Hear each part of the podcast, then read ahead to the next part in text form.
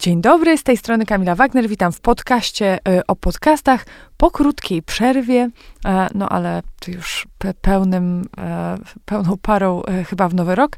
Zresztą dzisiejszy temat jakoś super mi koresponduje z takim nowym początkiem, w ogóle z jakimś budowaniem energii do przeżycia tej kolejnej z jakiejś sekwencji czasu, bo jest ze mną Andrzej Tucholski, autor podcastu Przekonajmy się Dzień ale dobry. nie tylko, bo to jest, e, bo to jest no, jedna pozycja tylko na twojej długiej liście e, zadań codziennych. Ogólnie twoje CV, mam wrażenie, jest najlepszą reklamą e, tej w ogóle takiej mądrej produktywności, którą propagujesz w internecie. A jak tak mówisz, to mi miło strasznie. To fakt, robię dużo. Ja tak mam, że się łatwo ciekawie i, i mój charakter potem się niestety nie pozwala mi nie pójść, z, z, nie, nie, pozwala mi nie, nie pójść za tym zaciekawieniem. Więc jak już coś mi się wydaje interesujące, to muszę gdzieś tam sobie w to skręcić. To jest niesamowita e, cecha, której myślę, że wielu naszych słuchaczy e, może ci pozazdrościć, ale może też jakoś e, uda się nam ich tak zmotywować ze mną na czele do tego, żeby ją trochę w sobie rozbudować. Mhm. Ja trafiłam na twój podcast, przekonajmy się, przypadkiem, muszę powiedzieć, bo już po prostu jakoś z taką totalnie wyczerpaną pod koniec roku baterią do wszystkiego stwierdziłam, że po prostu muszę zacząć szukać rozwiązań, więc zaczęłam szukać ich wyszukiwarce Spotify. I, i tak trafiłam e, zupełnie przypadkiem e, na podcast Ogarniam się e, z Sylwii Tomaszewskiej, u której byłeś gościem. No i tak e, po, po, po e, do, doszłam tam do tego twojego e, kanału, który okazał się totalnie wypakowany w ogóle wszystkim, czego potrzebuję. I myślałam, że przyswoję to w ogóle w sekundę, ale nie. ale nie, nie da się. No my wszyscy chcielibyśmy, nie? Jak już mamy jakąś, jakąś książkę, która nas zaciekawi, coś, to tak raz przeczytać i już umiemy, no nie? Niestety ze złymi nawykami to tak jest, są, nie? Raz odkryjesz, że można leżeć i tak nagle, nagle masz ten nawyk, ale no żeby tak, zrobić tak. lepsze, to mm. różnie bywa. Ale ty też jesteś bardzo sprytny w tym, bo ty tytułami odcinków obiecujesz słuchaczom, że oni w trzech prostych słowach, trzech pytaniach, e, pięciu e, jakichś mikrodecyzjach odnajdą odpowiedź na to zadane Wiesz, co jest e, najgorsze w psychologii? Pytanie. W psychologii jest najgorsze to, że to wszystko jest proste w takim znaczeniu, że nie jest złożone. To jest po prostu cholernie trudne. Tych pytań nie ma milion, one nie są jakoś skrajnie wieloetapowe, w sensie te takie, to co jest zdrowe, jest z reguły szalenie proste. Niestety z reguły nie jest w ogóle łatwe. Gdyby było łatwe, to byśmy wszyscy byli, wiesz, zrównoważeni, stabilni, mieli świetny humor i zawsze robili to, co mamy zrobić. A różnie bywa, nie? W sensie to, to, to jest, że tak powiem, tradycyjna, tradycyjna bolączka człowieka. No ale tak, jakby wydaje mi się, że można mnie posądzić i, i karać mnie zrolowaną gazetą za to, że trochę tak, tak upraszczam tymi tytułami.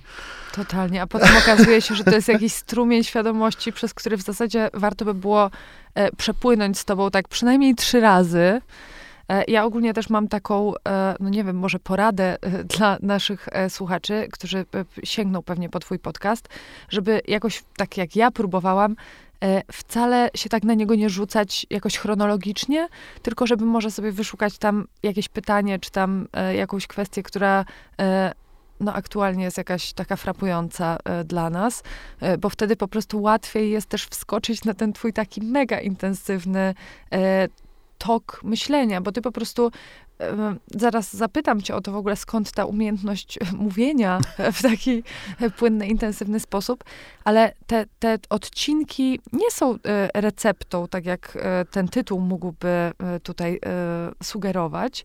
Są bardziej, w sensie ty ze swoimi słuchaczami jakby przechodzisz przez cały ten proces mhm. myślowy. Tak. Dzielisz się doświadczeniami bardzo dużo. No jest oczywiście tam mnóstwo off-topów, zwrotów akcji, E, anegdot e, i, i przemyśleń, które po prostu wdzierają się we wszystkie strony, co tylko pokazuje, jak te kwestie e, związane z psychologią, motywacją, nie wiem, budowaniem jakiejś dojrzałości emocjonalnej, czy wysokosprawczości, którą ty, w ogóle ty, tutaj ty jesteś światowej klasy ekspertem od tego jakże w ogóle pociągającego pojęcia. No i tak, no i okazuje się właśnie, że, że to może niby jest proste, ale, to, ale, ale trzeba przez ten. No właśnie, sama teraz wpadłam w taki kołowrotek, bo zaczęły mnie atakować różne myśli e, z różnych stron. Więc zatrzymam się e, i może e, zrobimy mały krok w tył, bo zastanawiam się, skąd w ogóle e, ty jesteś od wielu, wielu lat popularnym twórcą internetowym. Tak. Miałeś bloga, który był olbrzymim sukcesem, prowadzisz kanał na YouTubie, zresztą chyba obie te rzeczy robisz dalej, tylko już trochę z mniejszą tak, teraz intensywnością. ewidentnie wkręciłem się w podcasty, więc tam musiałem, no jestem jeden, prawda, więc tam musiałem trochę obniżyć obroty. No tak, tak, ale to też fajnie, fajnie, że ta, ta, ta podróż się e, roz, mhm. e, rozgałęzia. E, no i filozofia, którą prezentujesz w tych swoich różnych, rozlicznych mediach, których w ogóle nie jestem w stanie nawet policzyć, nie jest takim tematem, który kojarzy się nam w ogóle z tymi formami komunikacji. To są trudne tematy, trudno je sprzedać, trudno je zapakować tak, żeby ktoś kliknął i faktycznie mhm. podjął ten wysiłek jakiejś takiej głębszej analizy siebie i swojego życia. Wiesz co, ja blogowałem w ogóle lata temu o kulturze, więc ja tak z tego, w tym internecie też się wziąłem niechcący trochę, bo po prostu bardzo chciałem recenzować seriale, a nie miałem gdzie recenzować seriali, więc sobie zrobiłem miejsce do recenzowania seriali. Ale gdzieś tam w toku życia jakby to, to stanowczo się stało moim hobby, a nie, a nie mm, tym, co mi zajmuje najwięcej czasu dziennie, bo jednak hobby to jest jakaś tam rzecz, która mi zajmuje mniej czasu dziennie. A tą wiodącą stała się psychologia. W ogóle jestem jakby z wykształcenia psychologiem biznesu, ale pochodzę z rodziny psychologicznej i jestem takim trochę filozofem samoukiem i gdzieś tam fascynują mnie przepotężnie te rzeczy. I od paru lat, tak, od paru lat bardzo mocno skręcam w tę stronę i jest trudno mówić o takich rzeczach, bo to nie są tematy, które ktokolwiek kiedykolwiek wpisze w wyszukiwarkę. W sensie to nie, jakby ja, ja nie, nie, odpowiadam, nie odpowiadam stricte na, na bolączki, które ludzie postrzegają, że mają, przy czym gdzieś wydaje mi się, że moja praca ta wieloletnia pozwala mi trochę mieć bardziej wgląd w te problemy trochę głębszej kategorii, bo, bo, bo tak jak wiesz, można mieć, można kasłać i mieć gorączkę i leczyć kasłanie lub gorączkę, a można się zastanowić, czy ja nie mam, wiesz, zapalenia krtani, no to można jakby, nie wiem, leczyć to, że leczyć, jakby w cudzysłów teraz takie duże daje. Można coś robić z tym, że nie wiem, nawyki się nam nie kleją, albo że jakoś tak zawalamy w kółko sami sobie dawane obietnice, no nie? I można nam to przykleić plasterek, w postaci, o, wyróbmy lepsze nawyki, czy coś w tym stylu. I to jest super popularne dzisiaj, ale to w ogóle nie rozwiąże problemu, bo człowiek ma to do siebie, że jak, jak, jak chce, to umie bardzo często. Minus oczywiście jakieś duże nieprzegadane rzeczy, bo potrafimy mieć jakieś traumy, jakieś, jakieś schematy, które nam nie sprzyjają i wiadomo, Oj, potrafimy. że... No, a jak? Nie? wszyscy to mamy, w sensie wszyscy mamy jakieś takie nierozegrane rzeczy, no i gdzieś tam w toku dojrzewania emocjonalnego trzeba coś tam z nimi porobić, pozamiatać, wiesz, poakceptować siebie ze wszystkich sił i się nauczyć żyć, nie? Z tymi kartami, które się gdzieś tam dostało względem swojego temperamentu, osobowości i, i tego, jakie się ma, jakie się ma, jaką ma się soczewkę na świat też trochę, popracować nad nią. I w toku tak naprawdę dopiero, jak już sobie poukładamy te wszystkie klocki, to, to w tym momencie się nagle okazuje, że my trochę nie musimy czytać, jak się robi nawyki, bo, bo tak same się do nas kleją. W sensie można, rozwiązując ten taki problem najgłębszej kategorii, wiesz, to bardzo dużo innych rzeczy się leczy. Jak się naprawi to źródełko, a to, to, to potem reszta rzeki się robi czysta, no nie? Nic prostszego. Na szczęście można też w drugą stronę trochę, czyli, e, czyli zacząć od tych mniejszych rzeczy i gdzieś tam się dogrzebać e, do dna. Mądrze mówisz, to jest moja teoria robocza i, i, i na szczęście gdzieś tam znajduję na nią potwierdzenia naukowe, ale też oczywiście zawsze szukam jakichś danych, które mi zaprzeczą, bo chcę, żeby to było sensowne, co mówię ludziom na głos. Wydaje mi się, że najmądrzejsze, co można robić, to z dwóch stron. Bo takie, wiesz, e, skrzyżowanie nóg i, i, i odpalenie głowy w pozycję lotosu i, i, takie patrzenie się w kosmos, żeby na pewno się, wiesz, wyrównać, no brzmi spoko, tylko nie jest realne współcześnie, no nie? Więc, więc tak jak mówisz, kluczowe jest, żeby z obu stron to dziabać, żeby z jednej strony próbować gdzieś tam się dogadać ze sobą, kurde, a może ja powinienem przestać myśleć w sposób, który mnie krzywdzi? Może już nie muszę tego mieć? Może już pora, wiesz, zrzucić to myślenie i sobie uszyć nowe, bo już, już jestem, wiesz, trochę większym chłopczykiem niż byłem kiedyś chłopczykiem, mówię oczywiście w swoim imieniu teraz. No, a z drugiej strony jest taka miara w ogóle w psychologii, jak poczucie własnej skuteczności, self-efficacy, i ona w bardzo dużym skrócie polega na tym, jak bardzo sobie ufasz, że jak będzie trzeba, to dasz radę. Taka, to jest takie bardzo ogólne zaufanie w swoje miękko rozumiane kompetencje, skille, wytrwałość. I no właśnie dlatego się ucieszyłem na to, co powiedziałaś, bo robienie małych rzeczy, po prostu uczenie się małych rzeczy, takich wiesz, z zewnątrz, że tak powiem, sprawia, że ci rośnie to. A człowiek to jest taki gigantyczny zestaw naczyń połączonych, no nie? Taki system. I im lepiej sobie, wiesz, czyścisz serduszko z różnych rzeczy, tym będzie ci łatwiej budować to wewnętrzne poczucie zaufania do siebie, a im bardziej sobie ufasz, tym będzie ci łatwiej pracować nad swoim sercem. I jak się fajnie rozkręci z obu stron tą machinę, no to naprawdę potrafi w szokująco krótkim czasie, w sensie miesięcy, lat, a nie lat, dekad, no nie? Naprawdę potrafi sprawić, że w głowie się robi więcej miejsca. No tak, też szokująco krótki czas jest tutaj względny w obliczu, e, w obliczu tych e, problemów. E... O, ja wiesz, wszyscy chcielibyśmy mieć, wszyscy chcielibyśmy nie mieć żadnego problemu w dwa tygodnie, ale Jasne, to nie jest możliwe, bo słuchaj, na przykład bardzo wiele rzeczy mózg robi, jak śpisz snem głębokim, wysokojakościowym i, i jak masz fazy REM kolejne, no i po prostu mózg musi na przykład swoje odespać, o czym się bardzo rzadko kmini w kontekście, w kontekście pracy nad sobą, w kontekście jakiejś duchowości, naprawy nawyków, schematów i tak dalej, że gdzieś tam pomiędzy kolejnymi etapami mózg po prostu musi kimę złapać. Chociażby to ci daje ten tydzień, dwa czy trzy pomiędzy różnymi przełomami, na które się czeka. Mówi osoba, która wstaje o 5 rano codziennie, czy... Nie, kiedyś tak robię. Wiesz, ja miałem taki epizod na studiach, że wstawałem przez rok, półtora o 5 rano i było ekstra, ale życie towarzyskie trochę kuleje, słuchaj, bo jakby sztuczka polega na tym, że chodzisz spać o dziewiątej, nie? Tam nie ma jakiejś magii konkretnej.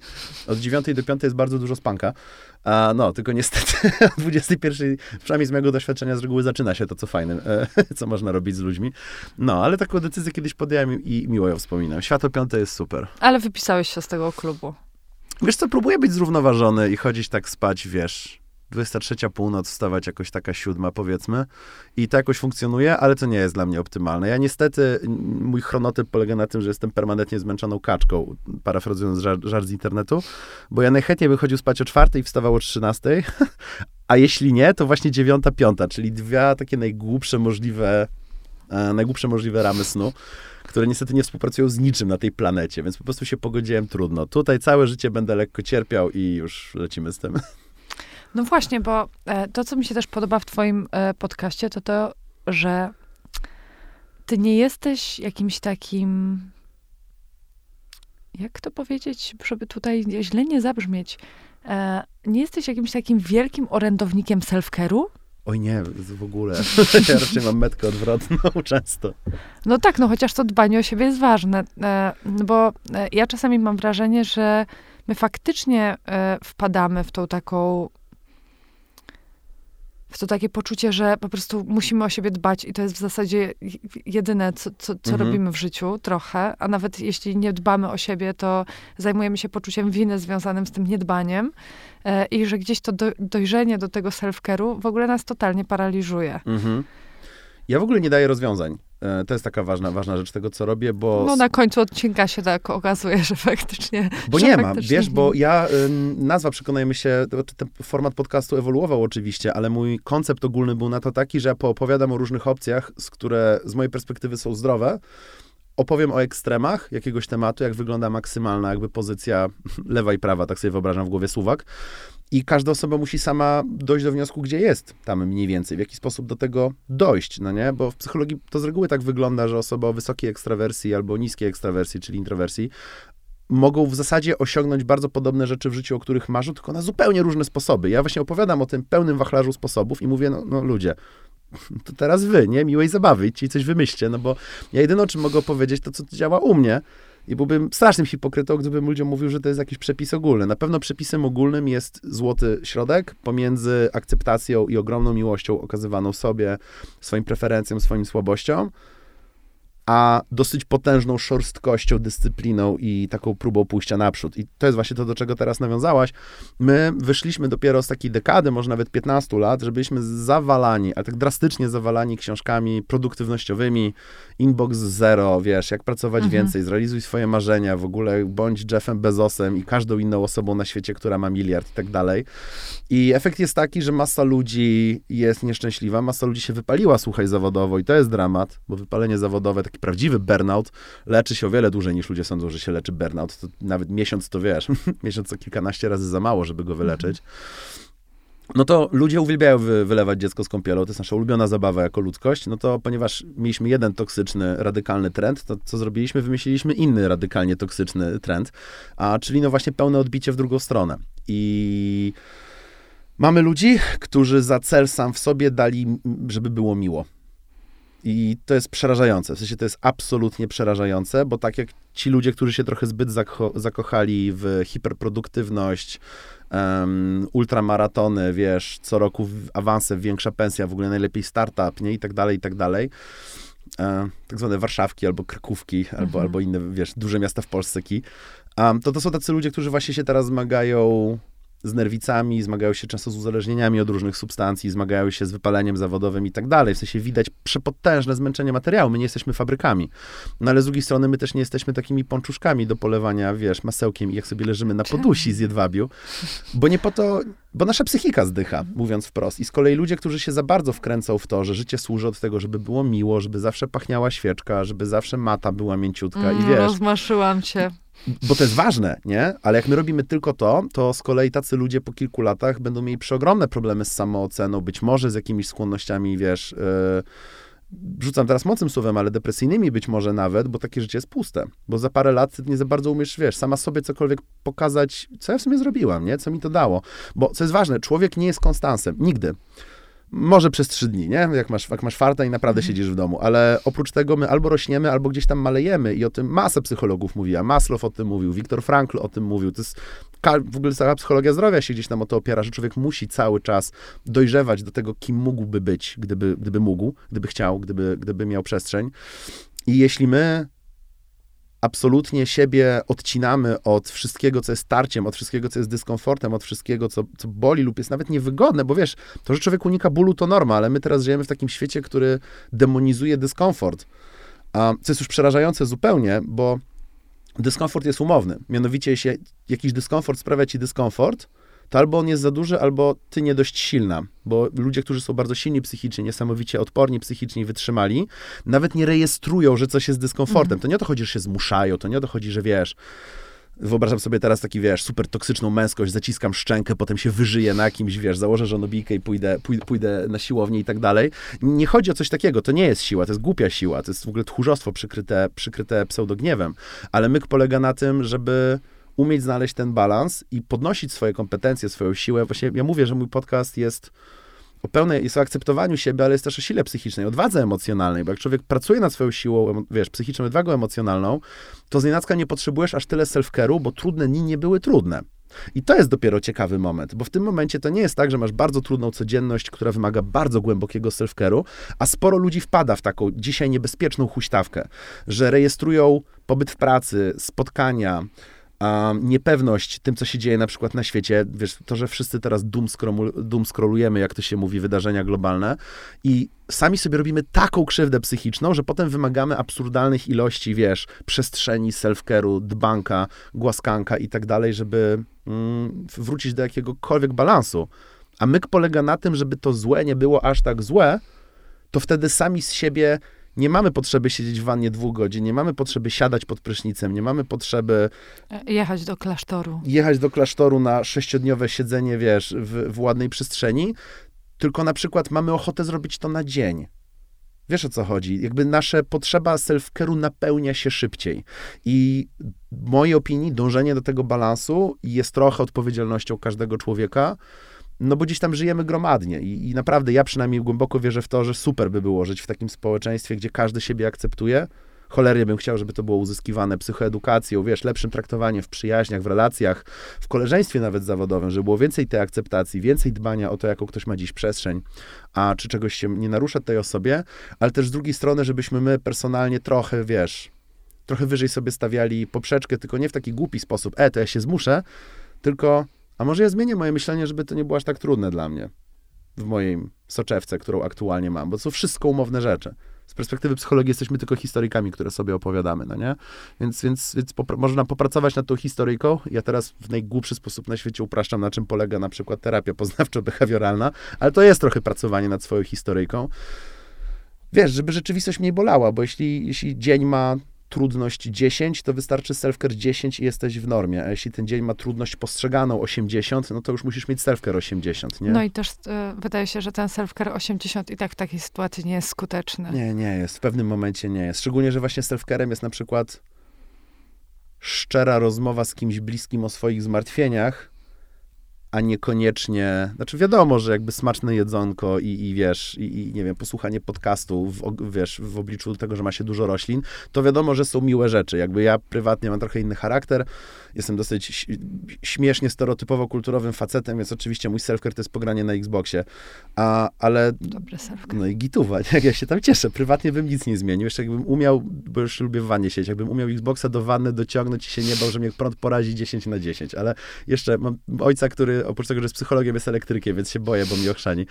Um, ale wiesz, jakby jeśli ja orientuję się na tym, że chcę w tej wannie siedzieć 4 godziny lub wiesz, nie umiem sobie wyobrazić dnia, żeby rano przed obowiązkami nie grać 2 godziny na konsoli, to mam to jest ekwiwalent tego, że w samochodzie pika ci czerwona lampka i mówi zaraz ci walnie silnik.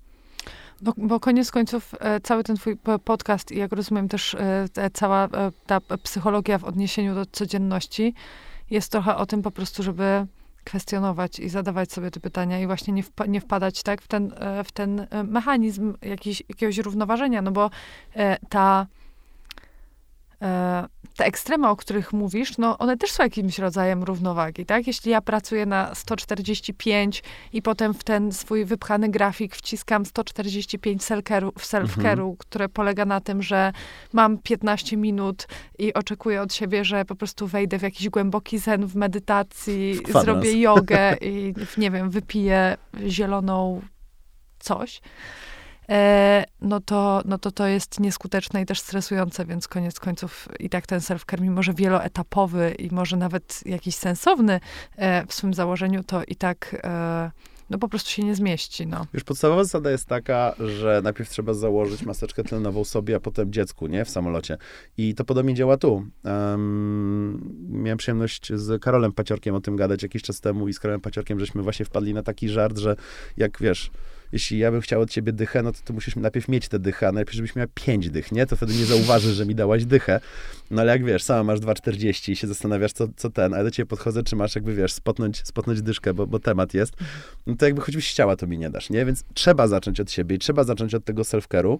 Nie, nie da się w drugą stronę. W sensie druga strona tylko bardziej cię skrzywdzi, zrani i zboleje. Tylko bajer polega na tym i trudność polega na tym, że jak zaczynamy od self-care'u, to musi być umiar. Bo jak my się w tym potopimy, to potem będzie jeszcze trudniej wyjść na zewnątrz. W sensie bardzo możliwe, że self-carem sprawimy, że dzień zamiast 10 trudności będzie miał 80 trudności, bo tak się rozmemłaliśmy w tym mhm. takim ciepełku i w głoskanku, że znienacka jakikolwiek dyskomfort, o Boże, on nas boli. No nie, no życie to dyskomfort, ludzie. Czy, czy świat y, bije cię tą gazetą za te teorie? No bo faktycznie to jest tak, że my trochę nie chcemy, żeby ktoś nam odmawiał tego self-care'u. Jakby trochę nam pasuje to, że świat E, że dominuje trochę taki dyskurs, że po prostu bierz ten self-care, bierz go, bo to jest, to jest miłe dla nas, to obiecuje trochę jakąś lepszą jakość życia. I myślę, że trochę trwa E, żeby się zorientować, że faktycznie można się gdzieś w tym e, pogubić i przepaść. No bo zanim my w ogóle się wyspecjalizujemy w tym self-carze i się tak w nim rozkokosimy, e, no to trochę mija, a co dopiero, kiedy się zorientujemy, że faktycznie to wygenerowało jakieś problemy, braki i deficyty i nie jest wcale odpowiedzią na wszystko. Teoria, znaczy teorię. Jak opracowywałem, bo opracowywałem taką teorię jak koncepcję osoby wysokosprawczej przez 4 ponad lata i mam książkę na ten temat i pracując nad tym, udało mi się udowodnić całe założenia tej teorii. Już pomijam, że przy pomocy z dwóch czy trzech nurtów psychologicznych, ale przy pomocy trzech czy czterech wiodących religii, jakichś siedmiu różnych filozofii. I okazało się, że one wszystkie mówią bardzo podobne rzeczy. Więc na szczęście gdzieś tam, tam miałem jakiś czas temu taki, cytowałem żart popularny u mnie w rodzinie, że wiesz, Rosjanin wynalazł rower u Niemca na strychu i, i ja się tak trochę czuję z tą moją wysokosprawczością, że sobie zajrzałem w 19 książek i się skapowałem, że oni mówią to samo, to ja powiem to, co, to, co oni mówią, tylko współcześnie.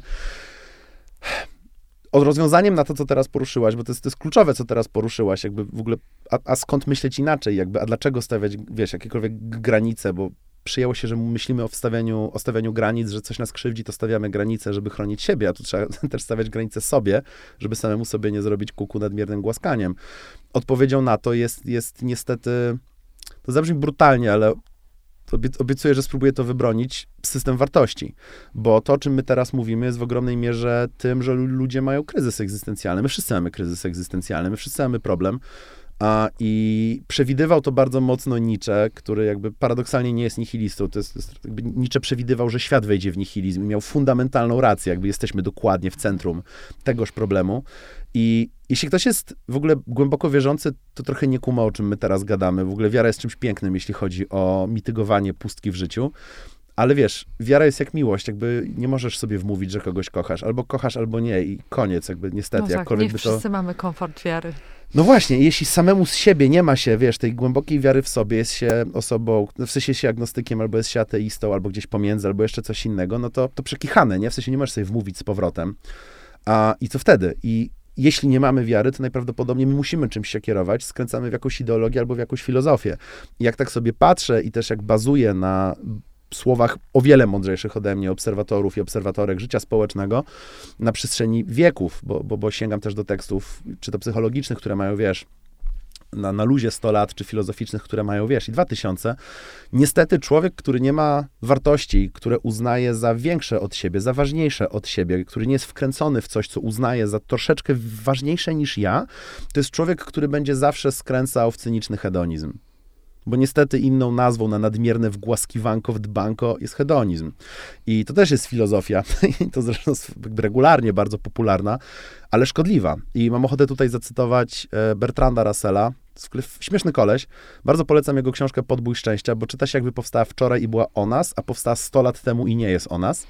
Um, to był filozof brytyjski, bardzo uprzywilejowany szlachcic, twórca bardzo wielu zagadnień we współczesnej matematyce i fantastyczny filozof. No i on sądził, że jest takim filozofem ludu, bo na przykład e, często on ma takie lapsy i kwiatki w swoich książkach, że na przykład mówi, no jakby on też jest normalnym człowiekiem, bo, bo no, jemu też raptem jeden sługa pomaga ubrać się do, do kolacji, nie? Ja tak to czytam i tak, nie no, typie jest, no, nie widzę różnic między nami. co, co z tego, że nie wiem, jakby widziałem osobę, która mi otworzyła drzwi raz w życiu w drogim hotelu, gdzie byłem na konferencji 7 lat temu i to jest mój maks kontaktu z tym, że co ktoś zrobił za mnie, no nie? W takiej relacji zawodowej. No ale jakby nieważne. Bertrand Russell sądzi, że jesteśmy identyczni, że on jest taki, wiesz, on jest taką szlachtą dla ludu.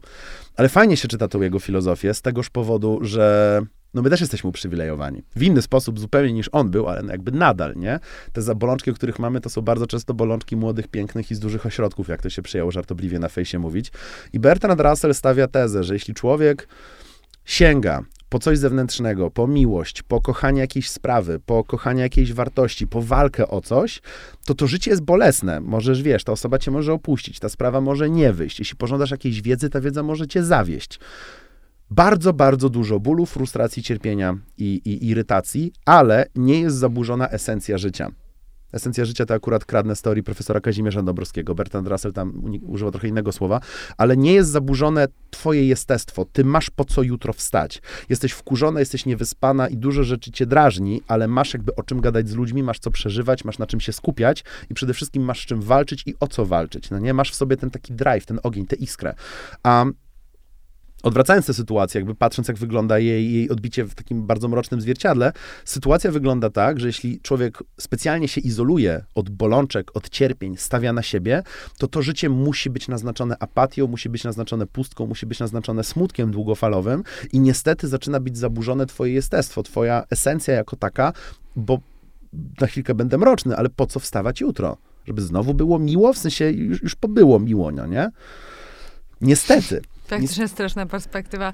E, zastanawiam się, no bo faktycznie obserwujemy e, takie zjawisko, że to jest, e, no to jest masowe, tak? Ewidentnie straciliśmy trochę e, jakieś e, no, poczucie sensu i celu w życiu, e, co jest dla mnie o tyle przewrotne, że naprawdę jest mnóstwo spraw, o które warto by było zawalczyć i się mhm. zająć, które są wręcz palące. I czemu to nikogo zdaje się nie mobilizować? U, fajne pytanie. Przyszła mi pierwsza do głowy, nie, nie zastanawiałem się ściśle nad nim, ale zachowuję sobie w takim razie prawo do błędu, ale strzelę na szybko coś, co mi teraz przyszło do głowy. Mam teorię, że możemy być trochę wszyscy mieć za duże tendencje narcystyczne w kontekście tego, jak duży chcemy mieć wpływ na świat.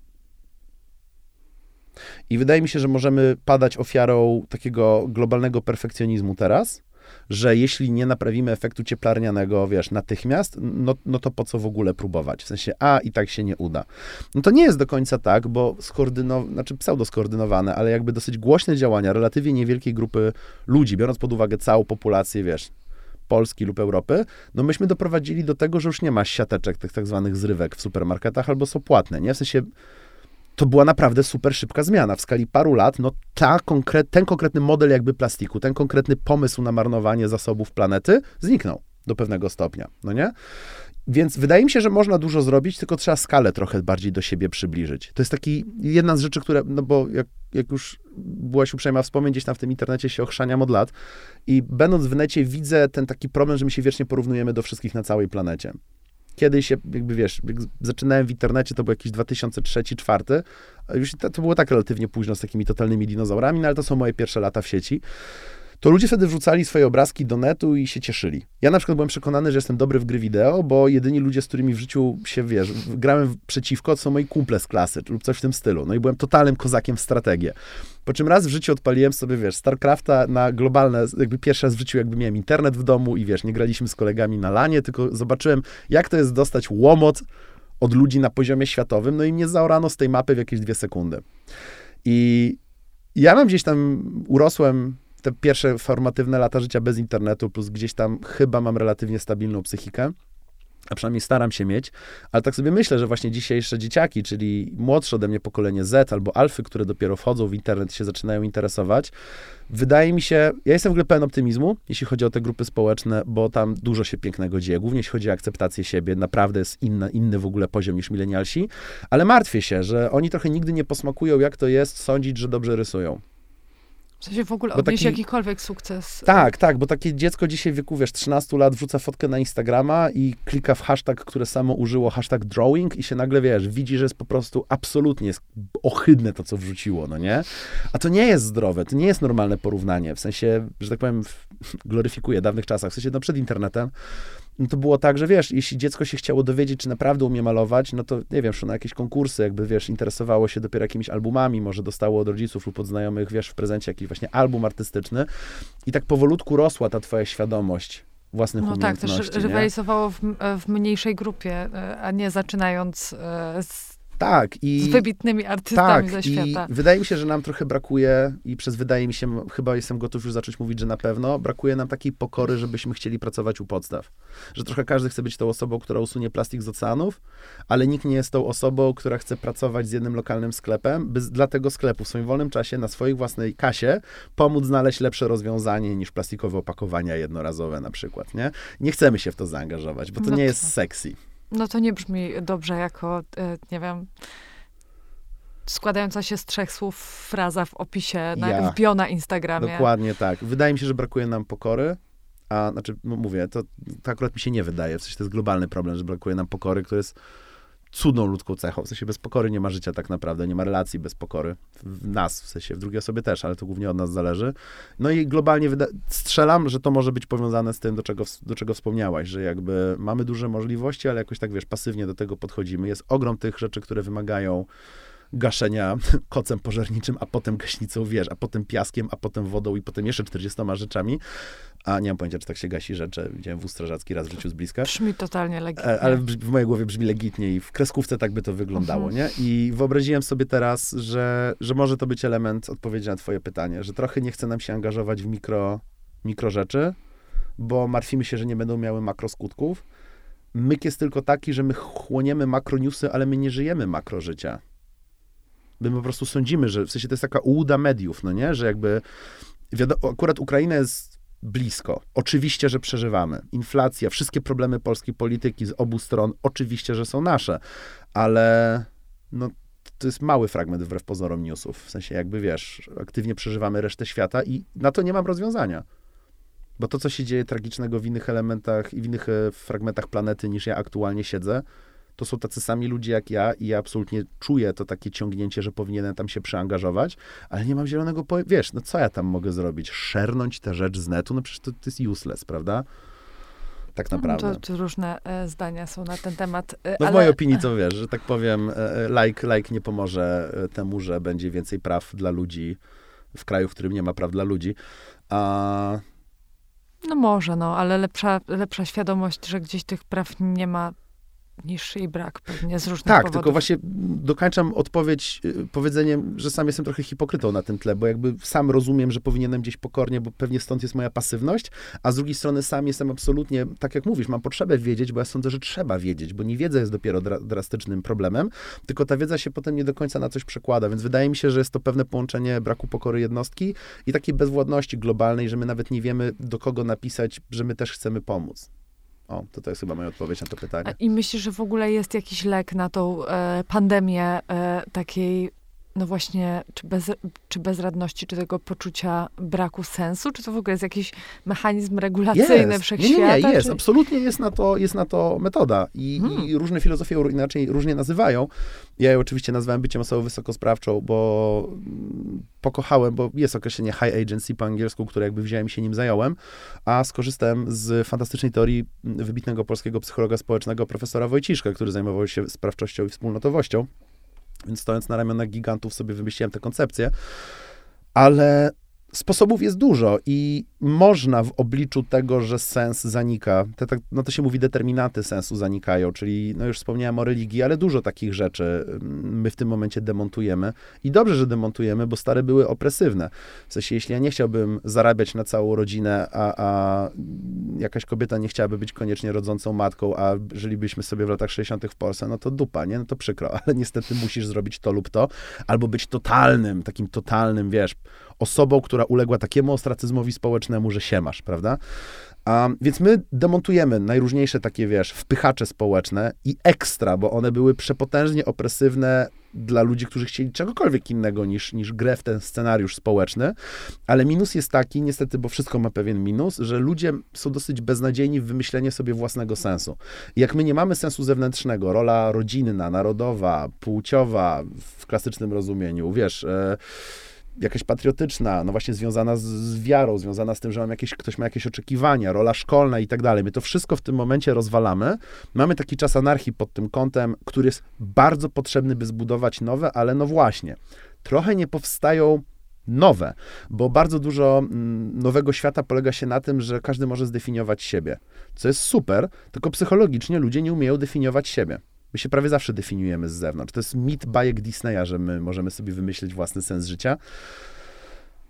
Jest parę procent ludzi, które umie. Tak strzelam, że są ludzie, którzy mają tak szokujący zestaw tem, cech temperamentu, cech osobowościowych, że jakby umieją sobie sami wymyśleć jako tako sens życia, ale co do zasady, to gdzieś jest takie odbijanie się od świata, od, od ludzi, od naszej najbliższego otoczenia. I gdzieś to tutaj leży, no nie? Na razie. Potrzebujemy tej epoki teraz nie anarchii, tylko architektury, żebyśmy te nowe rzeczy pobudowali, które naraz będą pewnymi wartościami moralnymi, ale najbardziej inkluzywnymi, jak tylko potrafimy. Taki wyobraźcie sobie cudowny, utopijny świat. Ale żeby do niego doprowadzić, i teraz odpowiadam e, wprost na twoje pytanie, trzeba samostanowić. I metodą na poradzenie sobie z czasem pustki, z czasem chaosu, jest wzięcie pełnej odpowiedzialności za siebie, ale w takiej małej makroskali, w pełnej odpowiedzialności, żeby samostanowić, pełnej odpowiedzialności, żeby się wyrażać, żeby siebie akceptować, żeby być zdrową jednostką dla siebie, żeby być zdrową jednostką dla innych. I takie, takie życie, życie pokorne, życie małe, w którym się skupiasz na rodzinie, na najbliższych przyjaciołach, na swojej ekipie w pracy, nawet jeśli pracujesz w większym brandzie, ten brand se poradzi. Są inni ludzie w brandzie do zajmowania się brandem. Tu chodzi o pracę z tymi, wiesz, ludźmi, z którymi kupicie sobie nawzajem kawę, bo drugie nie zdążyło. Po to się żyje, w sensie to, to, to, to się potem fajnie wspomina, jak się, jak rozmawiam z wieloma o wiele dojrzalszymi, mądrzejszymi ode mnie ludźmi, to to się potem wspomina w pracy. Że się miało, ty, wiesz, taką ekipę i, i, i, i ludzi, na których się polegało, te relacje. Serio, jakby w życiu trochę bardziej chodzi o to, żeby pomóc kumpeli odmalować chatę, pomimo tego, że jest się zmęczonym w sobotę rano, Niż wyczyścić ocean z plastiku. niż żeby wyczyścić ocean z plastiku. O tamtym też musimy myśleć i są ludzie, dla których tamto będzie małą skalą i jeśli ja teraz mówię do kogoś, jakaś słuchaczka lub słuchacz sądzi, że jest tą osobą, która wyczyści ocean, ocean z plastiku, pisz do mnie, ja pomogę. Ale ja bym to robił troszkę na siłę i najprawdopodobniej, ja wpłacam tam jakieś pieniądze, bo mogę, bo jestem bardzo jakby gdzieś tam uprzywilejowanym człowiekiem, chcę się dzielić tym przywilejem, który mnie los obdarzył. No ale jakby no, nie pojadę tam na tę łódkę, która pływa i ściąga te wyspy plastikowe, więc staram się pomóc i na pewno nie przeszkadzać ludziom, którzy robią to wielkie dobro, a samemu zajmować się tym, które jest dla mnie ważne, bo takim moim, robię cudzysłów w powietrzu, którego nie widać, oce, wiesz, wyspą z plastiku na oceanie, jest właśnie to poczucie smutku i sensu i chociażby to, że wiesz, dziękuję za, wiesz, twoją uprzejmość, że mogłem tu być zaproszony i to, że mogę teraz pogadać, jest dla mnie strasznie ważne, bo to jest taka moja wyspa z plastiku na oceanie, że właśnie ludzie... No tak, to nie jest mała wyspa też. e, Tak, więc jakby to, to, to, to jest moja walka, to jest coś, co mi całe serce Bo po twój prostu cel nie jest wypełnia. wcale taki mikro. Ale wiesz co, mój, mój wpływ jest mikro. Bo jakby ja żadnemu, wiesz, żadnej osobie, która nie słucha podcastów, tym, tym wypowiedzią nie pomogę, nie pomogę nikomu w Brazylii, bo, bo nie byłem, wiesz. Rozumiem moją mikroskalę, ale jest dla mnie ważna taka, jaka jest, bo beze mnie być może te, wiesz, kilkadziesiąt, set tysięcy, nie wiem, ile osób rocznie nie poszłoby do biblioteki i nie wypożyczyłoby sobie rozmyślań Marka Aureliusza, albo nie dowiedziałaby się, kim jest, wiesz, Simon de, de, de Bovary, jeśli chodzi o de Beauvoir, Boże, a zapomniałem nazwiska, z panią Bovary mi się pomyliło. Simon de, czekaj, Beauvoir. Dobrze, było Dobrze, egzystencjalistka. Tak, wszystko jest Dziękuję, Boże, ale zwisłem. Jakby, wiesz, te książki są dostępne w domenie publicznej albo są dostępne w bibliotekach. Jeśli ktoś dzięki nie pójdzie i je wypożyczy, jeśli ktoś poczyta najpiękniejszą metaanalizę koncepcji sensu, którą stworzyła Emily Esfahani Smith, albo sięgnie wcześniej, poczyta Wiktora Frankla, który był jakby twórcą współczesnej humanistycznej koncepcji sensu, takiego bardziej świeckiego, robota wykonana, z mojej perspektywy. Ale też oczywiście, że musiałem minąć etap y, wczesno dwudziestoletniej ciężkiej arogancji, że ja zmienię świat. Um, I cieszę się, że mi minął ten, ten, ten taki durny, arogancki, arogancki klimat. Ja teraz po prostu jestem szczęśliwy, jak ktoś mi powie, że przeze mnie wypożyczył dwie książki, albo kupił na zniżce, wiesz, jakieś e-booczki, albo coś w tym stylu. Ja sobie myślę, git, w sensie ta osoba też komuś powie, może pożyczy komuś tę książkę. No, podoba mi się. E, podoba mi się ten, bo, bo, tak naprawdę to, o czym ty mówisz w wielu, w wielu zdaniach, e, w, swoim zwyczajem, e, chodzi trochę o to, żeby po prostu zmniejszać sobie ten, ten, co ja pokazuję rękami. Świat? Swój? Bańkę? Tak, w sensie... Postrzegane pole wpływu? Po prostu Wymyślam hasło. Właśnie się jakoś rozszerzać, nie zaczynać po prostu tak ekstremalnie szeroko, mhm. tylko mhm. gdzieś, gdzieś tam bliżej, tak? I ewentualnie no, rozbudowywać sobie ten świat, czy tam liczyć na to, że on się tak. już, że to pójdzie dalej po prostu. Mo, moim, jakby widzę po ludziach, że jeśli ktoś jakby wyprowadzam to też z psychologii i zdrowia i właśnie z tych różnych filozofii, które, które gdzieś tam kocham i na nie patrzę i nie bez powodu tyle tysiącleci pomagają ludziom lub stuleci, zależy która. E, jeśli ktoś połączy bardzo mocną akceptację na siebie, taki jaki jestem, częściej odczuwam smutek, częściej odczuwam gniew, taki mam charakter, co ja mogę z tym zrobić przydatnego, jak mogę to menedżować, jak mogę lepiej, wiesz, zarządzać tym w sobie. Jeśli ktoś będzie łączył akceptację, miłość i łagodność do siebie, mówiąc wprost, byciem przydatnym społecznie, ale przydatnym w jakiejś grupie, którą ty wybierzesz, bo to jest najpiękniejsze, żeby być częścią czegoś większego, co ty sama miałaś prawo stanowić, że masz ochotę. Bo samo stanowienie nie polega na tym, jest taki film, był sobie chłopiec z Hugh Grantem i tam widzimy człowieka, który samo stanowił, że chce być absolutnie pasożytem i żelkiem na kanapie i niestety, słuchaj, no był smutny, ciekawe.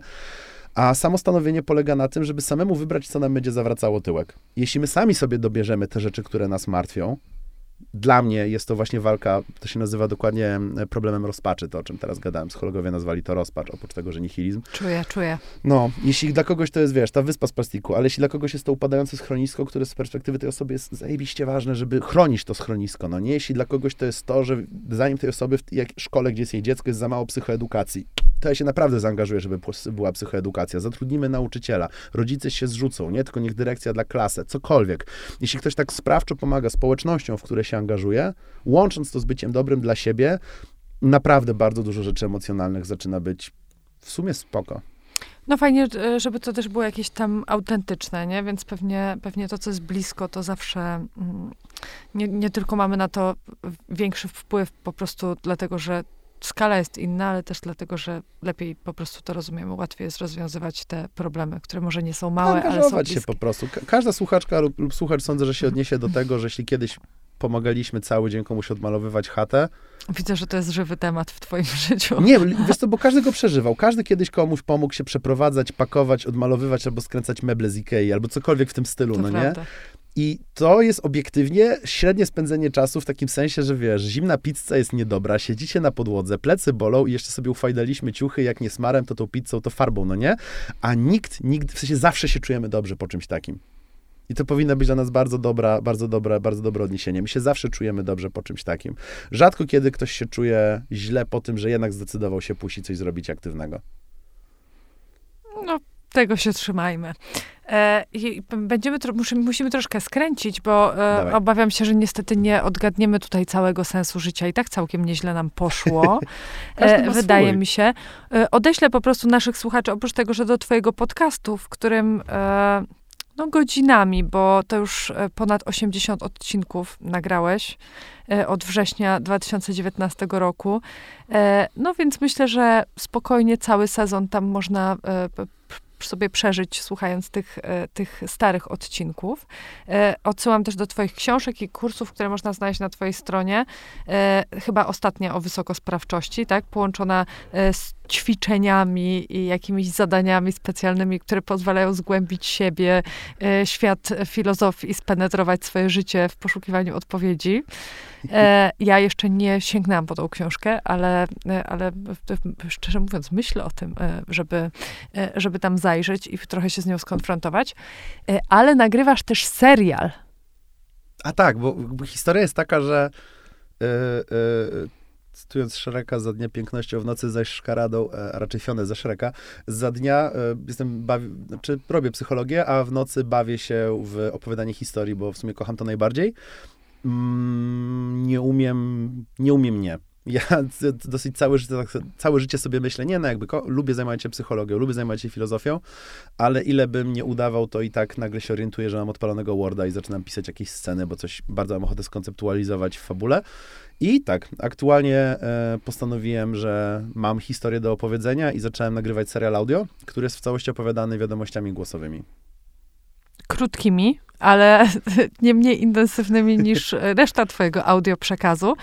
E, I wcale ja bym tak nie rozdzielała e, tutaj e, tego świata na dwa, bo ja w tym serialu widzę takie, mm, no, pewien sposób myślenia, który jest, czy narracji, który jest jednak gdzieś tam charakterystyczny dla ciebie.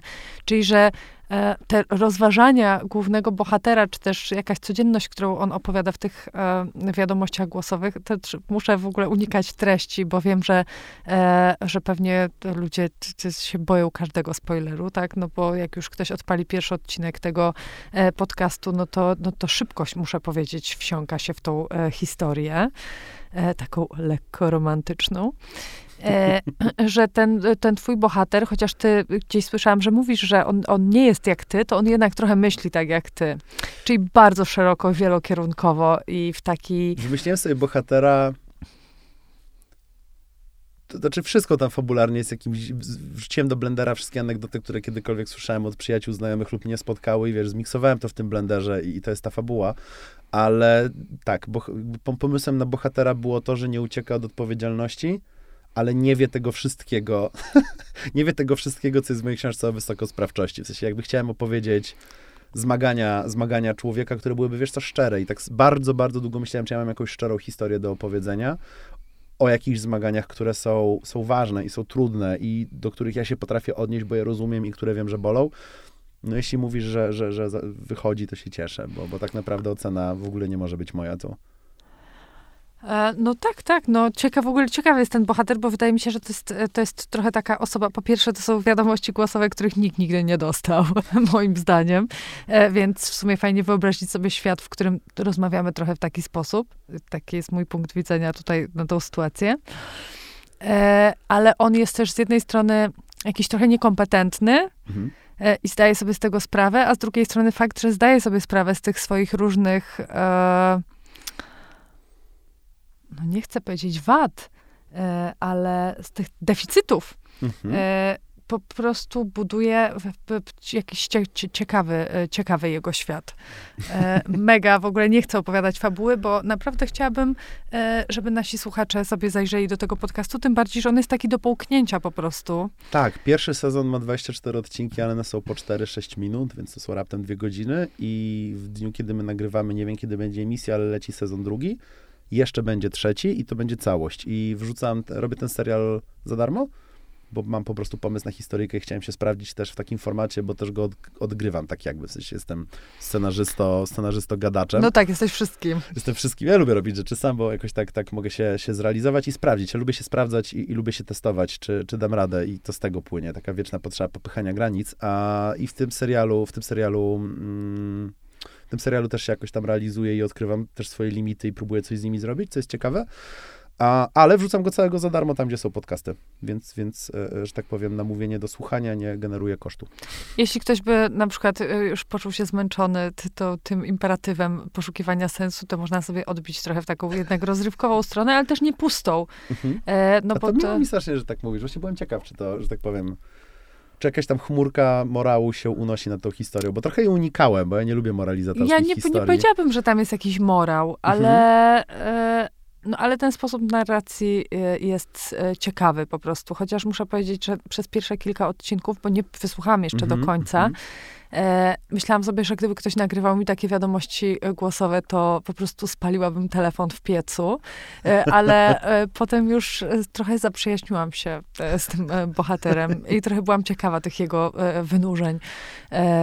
I, I pomyślałam sobie, że, że fajnie, że właśnie to jest taka, że to są takie rozmowy, no jednokierunkowe w pewnym sensie, ale takie, których my nie odbywamy, że tam jest bardzo dużo szczerości, Mhm. że nawet super neutralne informacje, które on przekazuje w tych e, wiadomościach, to są rzeczy, których my normalnie nie mówimy, a szczególnie też osobie, która jednak nie jest bliska, przynajmniej na początku tej historii. No dobra, ale już się zbliżamy do spoilerów, więc nie chcę w ogóle tam wchodzić. E, koniec. E, serial nazywa się Ej, nagrałem ci się, Dokładnie. co jest mega intuicyjne e, i od razu trochę zdradza e, formułę. A powiedz, czy ty zapisujesz e, całą treść tego odcinka? Nie, bo ja nie jestem aktorem wokalnym i nie umiem żadnej rzeczy, którą umieją aktorzy wokalni, więc, ale umiem pisać książki, umiem pisać scenariusze filmów i seriali, bo robiłem to już w swoim życiu. Znaczy, umiem. Uczę się i znam podstawy. O, to jest, to jest No bardziej masz pasujące duże doświadczenie też, no bo Tak. ile napisałeś książek? Sześć? Znaczy, psychologiczne jakby nie wpływają na kompetencje storytellingowe, nie? Więc psychologicznych parę mam, fabularnych mam napisane cztery. Cztery. Um, e, serial współpisałem ze wspaniałą ekipą, której się miałem, miałem przyjemność uczyć w ogóle bardzo dużo, bo to był mój taki pierwszy angaż. Mam jeden, jeden współnapisałem serial. A nad filmami gdzieś tam sobie dłubię. W każdym razie to w ogóle był nowy format i nie miałem pojęcia, jak go dowieść. A bardzo byłem ciekaw, czy sobie poradzę też z byciem tą postacią. Bo to, to mnie chyba nawet bardziej zaciekawiło. Czy umiałbym odegrać jakby tak kogoś, kim nie jestem, bo ja jestem zawsze bardzo mocno sobą. To jest taka trochę moja przypadłość, że gdzieś tam, jakbyś mnie na przykład zobaczyła kiedyś w gronie najbliższych przyjaciół, to byś zobaczyła, że jestem strasznie podobny do siebie teraz i trochę nie umiem w takie role bardziej społeczne być może. Może powinienem się tego nauczyć kiedyś.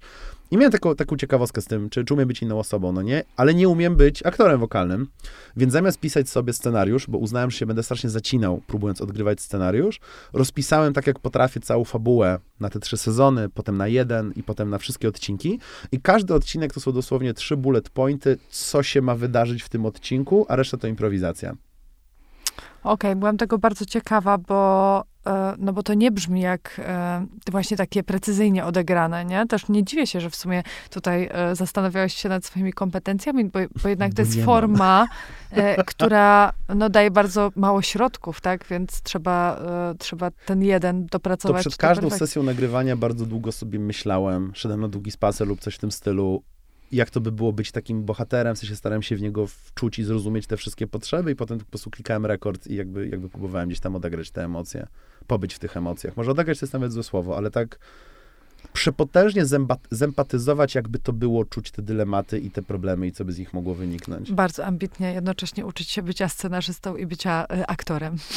Jakoś tak uznałem, że jak mam kiedyś pracować też z aktorami, to bardzo bym chciał rozumieć, w którym momencie im przeszkadzam jako scenarzysta i stwierdziłem, że najlepiej będzie samemu spróbować coś zrobić i się zorientować, gdzie sobie sam wpa- wkładam patek w szprychy. I odkryłem kilka rzeczy, które robiłem głupio w scenariuszach i już robię je inaczej, żeby nie drażnić potem profesjonalistów. Super, mega to w ogóle fajnie brzmi. To moim zdaniem najtrudniejsza, e, najtrudniejsza droga do samorozwoju, ale jak rozumiem skuteczna, co, e, co no, Wiesz co, moje ego nie jest z tym związane. Ja bardzo chcę być w porządku za 10 lat. Jakby to jest taki mój, mój target. I mi na przykład dowiadywanie się, że jestem matołem na jakimś tle albo czegoś jeszcze nie umiem, mi to jakby sprzyja. W sensie ja się cieszę bardzo na, na takie rzeczy, więc nie wiem, czy to jest jakiś błąd w oprogramowaniu, który mam, czy, czy, czy co, ale ja trochę nie rejestruję takich rzeczy jako trudne. Dla mnie byłoby trudne nie wiedzieć tego. Ja się ogromnie frustruję, kiedy nie mogę, nie mam o co się odbić, by spróbować zrozumieć więcej. Ja lubię rozumieć więcej, lubię się dowiadywać, a dowiadywanie wymaga, żebym zrozumiał, że wiesz, czegoś mi teraz brakuje. czy jesteś człowiekiem, który chętnie przyjmuje feedback, krytykę? Oj, przepotężnie. Kiedyś w ogóle tak nie było, ale to tu się akurat cieszę, że zrozumiałem, że to jest cenne. No to super. Doprowadziło cię to do, e, no, do wielkiego sukcesu, powiedziałabym. E, więc, e, więc fajnie. Ja też lubię feedback. A powiedz, no bo już kończąc powoli, chciałabym się jeszcze dowiedzieć, czego ty słuchasz i co cię nakręca i inspiruje. Mm, czego słucham? Podcasty? Czy tak. odpytasz? Podcasty? Podcasty, seriale. No skoro ty jesteś twórcą w tych dwóch obszarach, to jest coś takiego? Wiesz co, ja tak mam, że ja podcastów słucham relatywnie niedużo. Słucham raczej pojedyncze odcinki. Bardzo lubię pojedyncze mm, odcinki, na przykład u Mateusza Breli, to jest świetny psycholog sportu, mogę go polecić.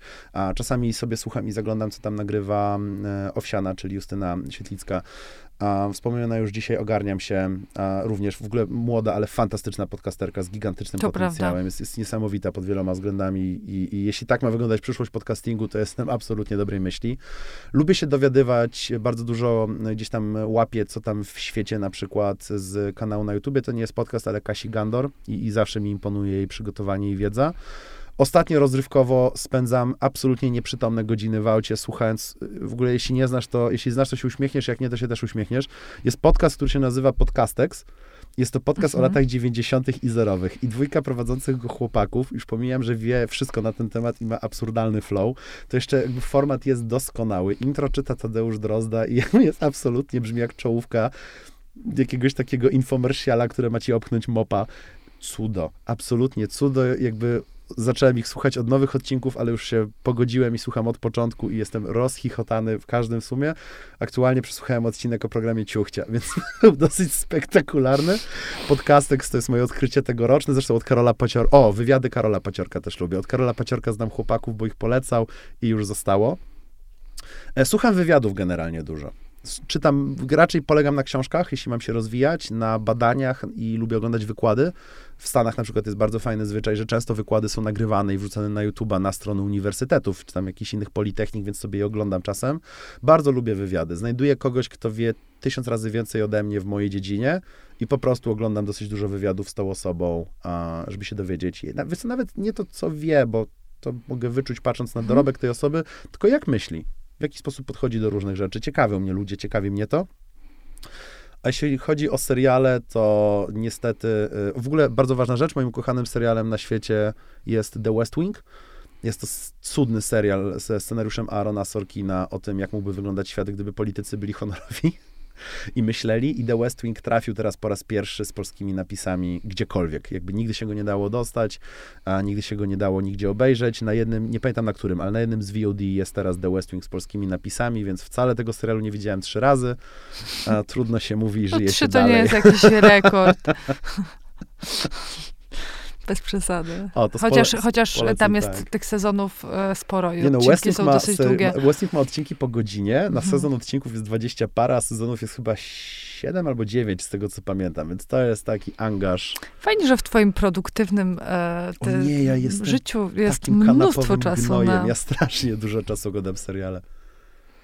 Ja tak mam, ja odkryłem, że ja o wiele lepiej pracuję, jak dam sobie przestrzeń, żeby móc pracować cholernie, cholernie zawzięcie przez 5 do 6 godzin, zamiast udawać, że pracuje 10.